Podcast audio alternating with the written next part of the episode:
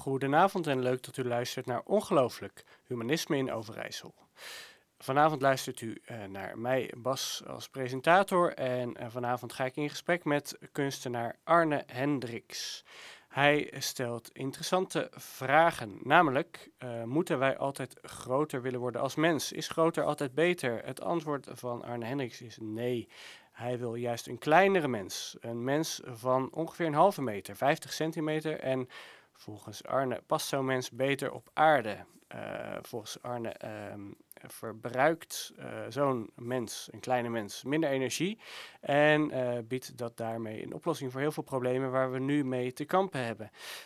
dat klinkt natuurlijk als een heel raar en misschien wel onhaalbaar idee. Um, maar Um, hij is toch al jarenlang daarmee bezig. Aanstaande donderdag komt Arne Hendricks ook langs in Zwolle in de stadkamer in het centrum. Adres is 7 Alleetjes 1. En van 7 tot 9 uur s avonds geeft hij daar een theatrale lezing over dit onderwerp. Um, wij kunnen hem vanavond op deze mooie zondagavond alvast even spreken daarover. En we gaan hem opbellen. Ja, Arne Hendricks uh, hebben we nu aan de telefoon. Arne, hallo. Hallo. Hallo, welkom. Uh, jij, uh, jij bent uh, kunstenaar. Um, bij kunstenaar denken mensen misschien wel aan, aan schilders of beeldhouwers. maar dat is niet jouw belangrijkste bezigheid. Wat, wat, dan wel eigenlijk? Ik heb wel je site bekeken. Er zijn allerlei projecten en zo. Maar wat, wat doe je eigenlijk de hele dag? Wat is jouw primaire activiteit, scheppende activiteit als kunstenaar? Nou ja, dat is een goede vraag. Uh, wat ik uh, zelf altijd uh, zeg is dat ik artistiek onderzoeker ben. Dus dat ik eigenlijk de vrijheid van de kunstenaar neem om dingen te onderzoeken die ik interessant vind, mooi vind of van belang acht. En ja, goed, als je de vrijheid van de kunstenaar hebt, kun je dat natuurlijk in allerlei vormen gieten, zo'n onderzoek. Dus je, je werkt anders dan een wetenschapper niet met een vaste methode, maar met allerlei artistieke instrumenten. Dus het kan een dansje zijn, kan een verhaal zijn, een performance. Af en toe maak ik zelfs ook wel eens iets als ja. ik dat nodig heb voor mijn onderzoek. Dus uh, ja, het uitzicht op allerlei manieren. Dus het, uh, de primaire activiteit is, is onderzoeken. En als je daarvoor dan uh, iets moet, moet kleien of iets moet schilderen of, of wat je zei, een dansje moet doen, dan, dan doe je dat. maar dat hangt er dus vanaf wat, wat je nodig hebt. Um, en, en aanstaande donderdag ben je in Zwolle. en dan gaat het over The Incredible Shrinking Man, um, is dat dan ook een, een onderzoek waar je mee bezig bent, dat zo heet? Ja, zeker. Uh, ik ben al uh, zelfs al meer dan 12 jaar met dat onderzoek bezig. Misschien al wel bijna 13, 14, 15 jaar. Ik, uh, um, ik, als ik het goed heb uitgerekend, 15 jaar. Als ik op je site kijk, is sinds 2007 is het bezig. Ja. Ja, dus een soort jubileumtour gaan we maken. Ja, het is een, het is een onderzoek dat eigenlijk de vraag stelt of de mens ook kleiner kan worden. En we weten inmiddels dat de mens steeds langer wordt en dat we steeds groter worden. Ja. Ik vind allemaal een teken dat het goed met ons gaat. daar heb ik nog wat een en ander over te zeggen hoor trouwens. Maar ik vraag me eigenlijk af of we niet gewoon beter wat kleiner kunnen worden. Want dan heb je minder nodig. Dan zou je voetafdruk ook wat kleiner zijn. Ja. Het zou ook sowieso een geweldig avontuur kunnen worden. Ja, ja. daar onderzoek ik eigenlijk al bijna 15 jaar of, dat, ja, of het zou kunnen. Of we ernaar kunnen gaan verlangen eigenlijk als soort. Ja, uh, of we daarnaar kunnen verlangen, zeg je. Dus, want uh, in de praktijk zou je natuurlijk uh, kleiner kunnen worden als mens, neem ik aan, vanuit evolutionair oogpunt door een bepaalde stop te zetten op, op voortplanting voor mensen die, die te groot zijn. Um, maar dat lijkt praktisch wat onhaalbaar. Maar jij, wil beginnen met het verlangen, of met, met dat klinkt wat, wat abstract misschien. Nou ja, eigenlijk niet zo abstract natuurlijk. Ik bedoel, als je bijvoorbeeld kijkt dat 95% van de vrouwen zich aangetrokken voelt tot een langere partner. Ja. dat is ook een soort vorm van verlangen, zou je kunnen zeggen. Dan, dan, eh, dan, dan is het verlangen eigenlijk best wel dominant in eh, welke kant wij op soort, eh, als soort opgaan. Dus of we, of we groter of kleiner gaan worden. En omdat wij als soort er naar verlangen om groter te worden, omdat we daar een bepaalde status aan ontlenen, omdat sommige mensen dat mooi vinden, omdat dat op de een of andere manier heel diep zit ingebed in onze huidige cultuur, worden we dus ook langer als soort. En als we dat nou eens een keer op een andere manier invullen, misschien kunnen we dan ook kleiner worden. Ja, ja, ja. En, en concreet zou dat dan betekenen dat, dat kleinere mannen dan daar ook voordeel bij uh, kunnen uh, ondervinden? Nou, dat, die zouden dan misschien wat aantrekkelijker worden als partner. Ja, ja, ja. ja. Oh ja. Het is natuurlijk maar een van de dingen. Hè. Je kunt ook over voedsel nadenken. Of over, over, kijk, jij hebt het dan direct over een soort autoritair ingrijpen. Daar ben ik dan niet zo voor. ik, daarom, zeg ik ook, ehm, daarom zeg ik ook verlangen. Ik zou graag willen dat we het willen. Ja. Dat we er zin in hebben. Dat we, dat we ernaar gaan verlangen dus. En, ja. en niet zozeer als een soort dictator. Je hebt natuurlijk wel eens van die ja, een beetje dystopische fantasieën, een beetje enge fantasieën over de toekomst, waarin een of andere gekke wetenschapper iets bedenkt en dan om mensen te krimpen. Nou, daar ben ik helemaal niet van. Nee, nee uh, mij gaat het er gewoon om uh, dat, we, dat we het leuk vinden, dat we het willen, dat we denken dat het goed is en dat Ja. we het daarom gaan doen. En dat verlangen is er nu nog niet, eh, want, want eh, we willen nu vooral groter worden. Groter wordt gezien als goed. Eh, hoe, hoe langer, hoe, hoe beter.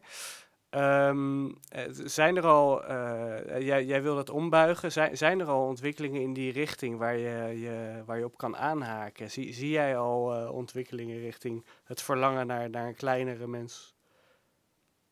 Nou, ik zie wel vooral verlangen naar, naar, naar minder. Dus je hebt bijvoorbeeld van die beweging, of zoiets als dat heet dan de degrowth-beweging. Dat is een, echt een verlangen van mensen om, om het eens een keer met wat minder te doen. Dat gaat dan vooral nog om materiële eh, zaken Ja, en wat de- eenvoudiger leven. De tiny houses je als eh, soort bijvoorbeeld ook. Tiny houses bijvoorbeeld, inderdaad. Ja. Dat zijn een soort van uitingen van het verlangen naar minder. Nou, het enige waar ik dus nog naar zoek, is, is dat het ook overspringt naar een kleiner lichaam. Eh, Ja. Bij de mens eh, zie je natuurlijk wel dat er allerlei kleinere mensen in allerlei situaties leven over de hele wereld heen. Eh, en ook door, door, door, door de millennia heen zijn er ook kleine mensen geweest. Ja, Ehm, maar op dit moment eh, wordt eh, gemiddeld gezien de wereldbevolking nog steeds langer. Ja. Nederlanders zijn zelfs de langste mensen ter wereld. Ja. Al is het wel zo, en dat zullen misschien de luisteraars ook wel herkennen, dat in het afgelopen jaar er een bericht was dat Nederlanders gemiddeld 1 centimeter kleiner zijn geworden. ja, ja, dus in die zin is dat eh, de- voor, voor jou hoopgevend, deze, deze ontwikkeling. Dat, eh, Ja, dat zie ik als een gunstige ontwikkeling. ja, Eh, het grappige daaraan is dan natuurlijk wel weer dat dat dan in, in, de- in het nieuws zo werd geframed. ja, Hoe kan het nou dat we een centimeter kleiner zijn geworden? Is dat omdat we ongezond eten? Gaat het slecht met iets? Wa- wat is er aan de hand? Dus het werd wel gelijk weer neergezet als een negatieve uitkomst van iets. In plaats van dat we het vieren, dat we eindelijk wat kleiner aan het worden zijn, wordt het toch weer een beetje ja, slecht in het nieuws gebracht. Maar Ja. dat is ook omdat we in de war zijn. En altijd maar denken dat elke keer maar weer langer, dat dat Ja. elke keer maar weer beter ook is. ja, ja, dat is, eh, nou ja, goed, ja, ik, ik denk er nu ook pas, eh, nu, nu ik het hier met jou over heb, wordt eerst wat bewuster over na, maar we zagen afgelopen week bijvoorbeeld eh, onze minister van Buitenlandse Zaken, Hoekstra, in het nieuws, die kwam op bezoek bij Zelensky. En hij was veel groter en dat werd dan gezien als, als positief, als teken van autoriteit. eh, maar misschien is de Oh ja, toekomst werd dat zo gezien? Nou Wie, ja, wie zag dat zo? ja, dat zo eh, dat, daar, daar waren we dan eh, trots op, ja. Of ja, althans, ja, eh, ja, gek hè? Ja. ja, dat- ik, ik zag wel commentatoren die, die, dat, eh, die dat zeiden. Van, eh, de, de Ja, het zit heel erg eh, heel diep, eh, het zit heel diep eh, ingeprogrammeerd in ons om zo te reageren. Ja, En eh, nou ja, eh, mijn onderzoek en, en, en, en mijn fascinatie is eigenlijk om, om een beetje te morrelen aan die vastgeroeste oude ideeën over lang eh, en klein. ja, ja. En ehm, het- hoe is dat voor jou persoonlijk? Ben jij, ben jij zelf groot of klein? Of, of hoe zie jij jezelf? Ik ben zelf 1,95 meter. 1,95 meter. Oh ja. Ja, en ik zal je zeggen, ik heb, eh, eh, ik heb mijn eigen lengte altijd eerder als een probleem gezien. Of als iets waar ik me niet prettig bij voelde. Dan als Ja. iets waarvoor ik me nou op mijn borst zou moeten slaan of zo. Het is heel gek hè, hoe, de, hoe je omgeving op het moment dat je lang bent jou ook een bepaalde positie geeft. Waar je misschien zelf helemaal niet naar verlangt. Hoe, het wordt, eh, wordt, wordt gedacht dat je een soort alfa-mannetje bent of zo. Die de leiding wel zou willen nemen. ja, heb jij dat, gemerkt is, dat is met jou? in mijn geval eh, helemaal niet zo. Nee, nee. Maar heb jij wel Maar gemerkt dat je omgeving... Ja, dat, dat heeft wel invloed op hoe je, hoe je wordt ge, gepercipieerd door je omgeving.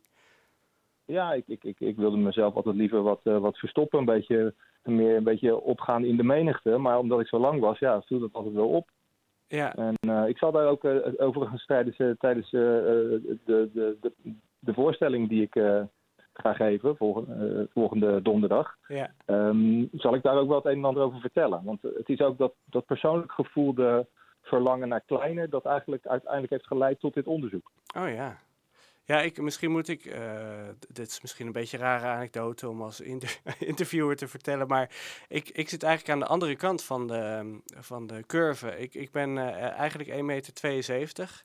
Ehm, dat kunnen de luisteraars niet zien natuurlijk, eh, dus dat is al een hele bekentenis. Maar ik heb ook ehm, mijn paspoort verlengd.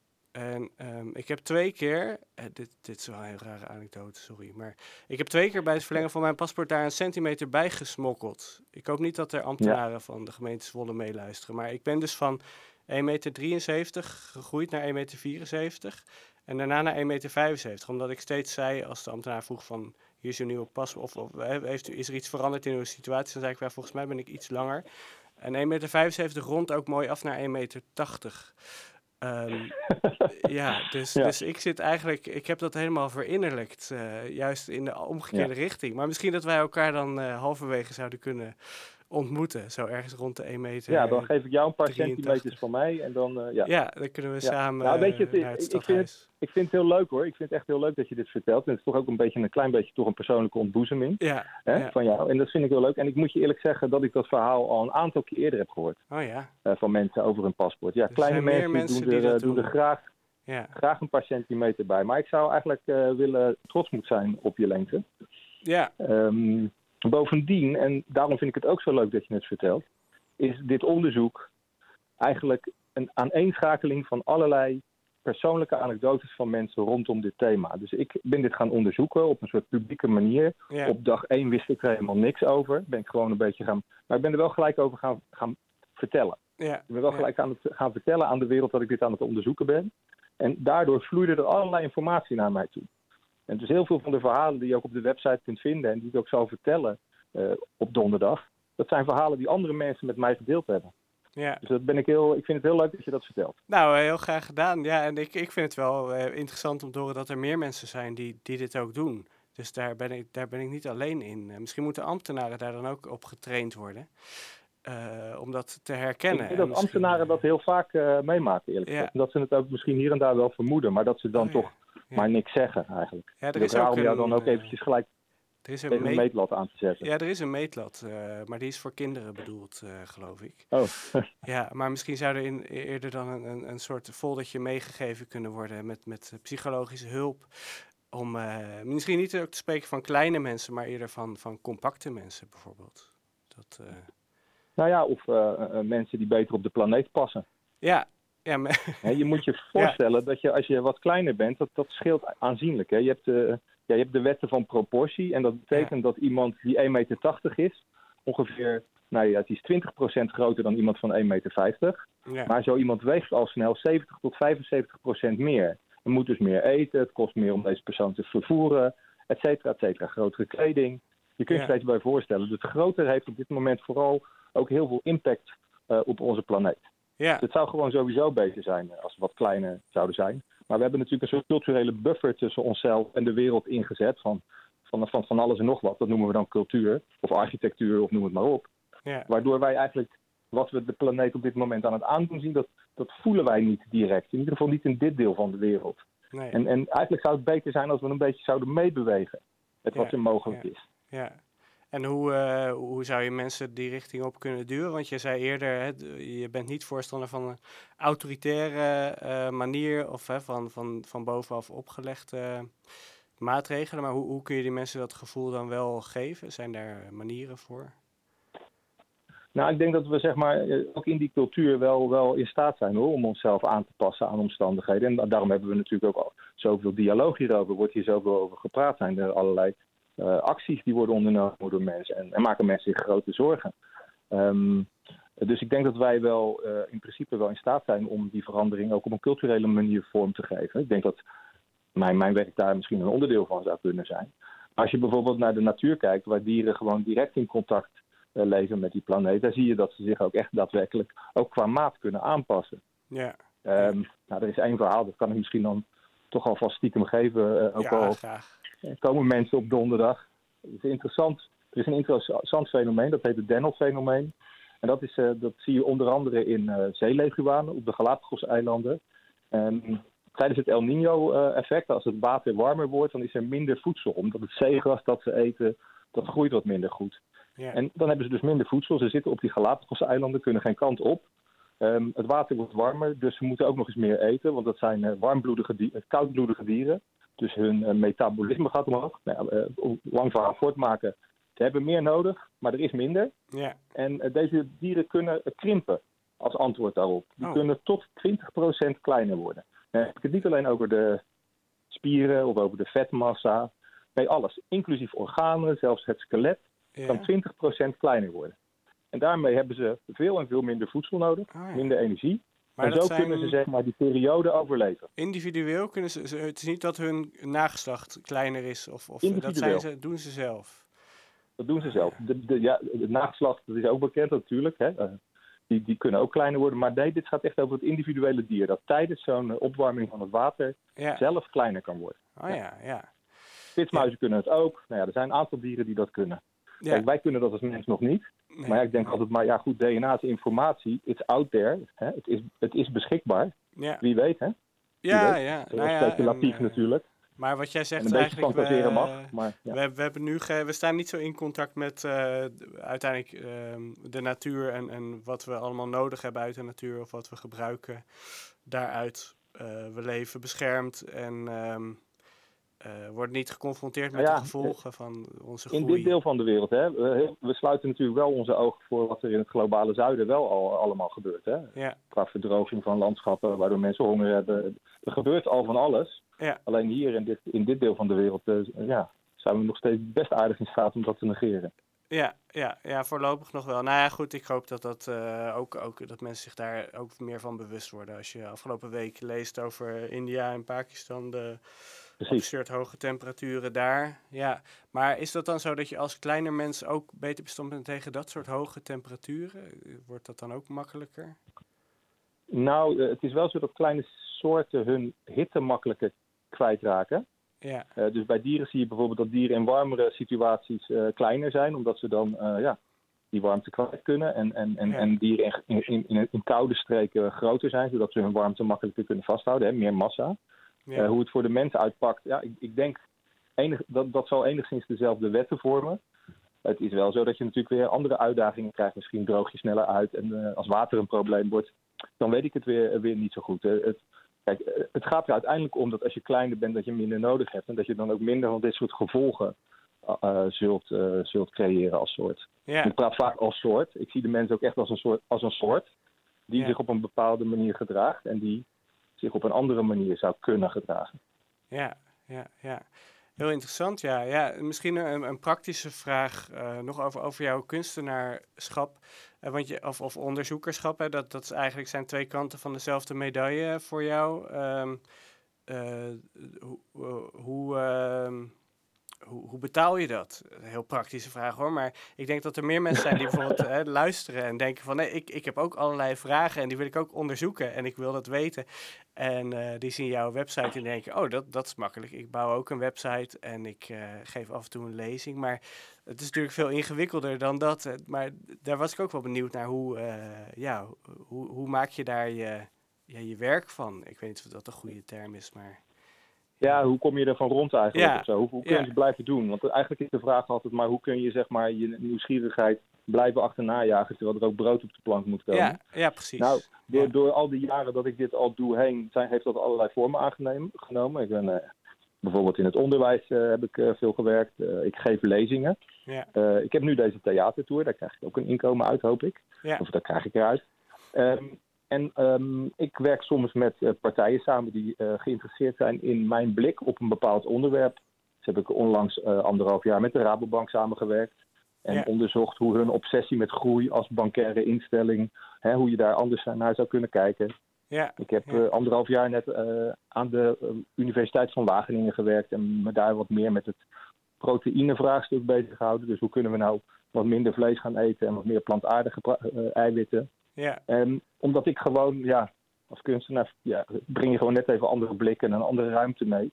En die kan ook voor mensen binnen zo'n instelling toch interessant zijn. ja, ja. Dus je werkt ook samen met, met grote organisaties zoals de universiteiten en, en banken. En, ehm, ja, maar dat brengt weer misschien nieuwe wel, eh, ja. dilemma's met zich mee, zoals, zoals de Rabobank. Heb je het idee dat je, dat je daar echt een duwtje in de goede richting kan geven? Of, of heb je het idee dat jij meer eh, gebruikt wordt als, als uithangbord? Of, of hoe, hoe werkt dat? Nou, ik denk dat de realiteit is dat je dat, je dat misschien alle, allebei een beetje. Ja, Eh, Ik, ik, ik, nogmaals, eh, ik, ik zie ons als één soort en, en, en de bank is onderdeel van mij, want ik heb ook een, een bankrekening. ja, Ehm, dus dat goede dat zit ook een beetje in, al, in ons allemaal. Hè. Wij consumeren, wij, wij Dus we kunnen wel zeggen, ja, die slechte instelling. Maar eigenlijk gaat het erom dat we met z'n allen eigenlijk een beetje de goede kant op bewegen.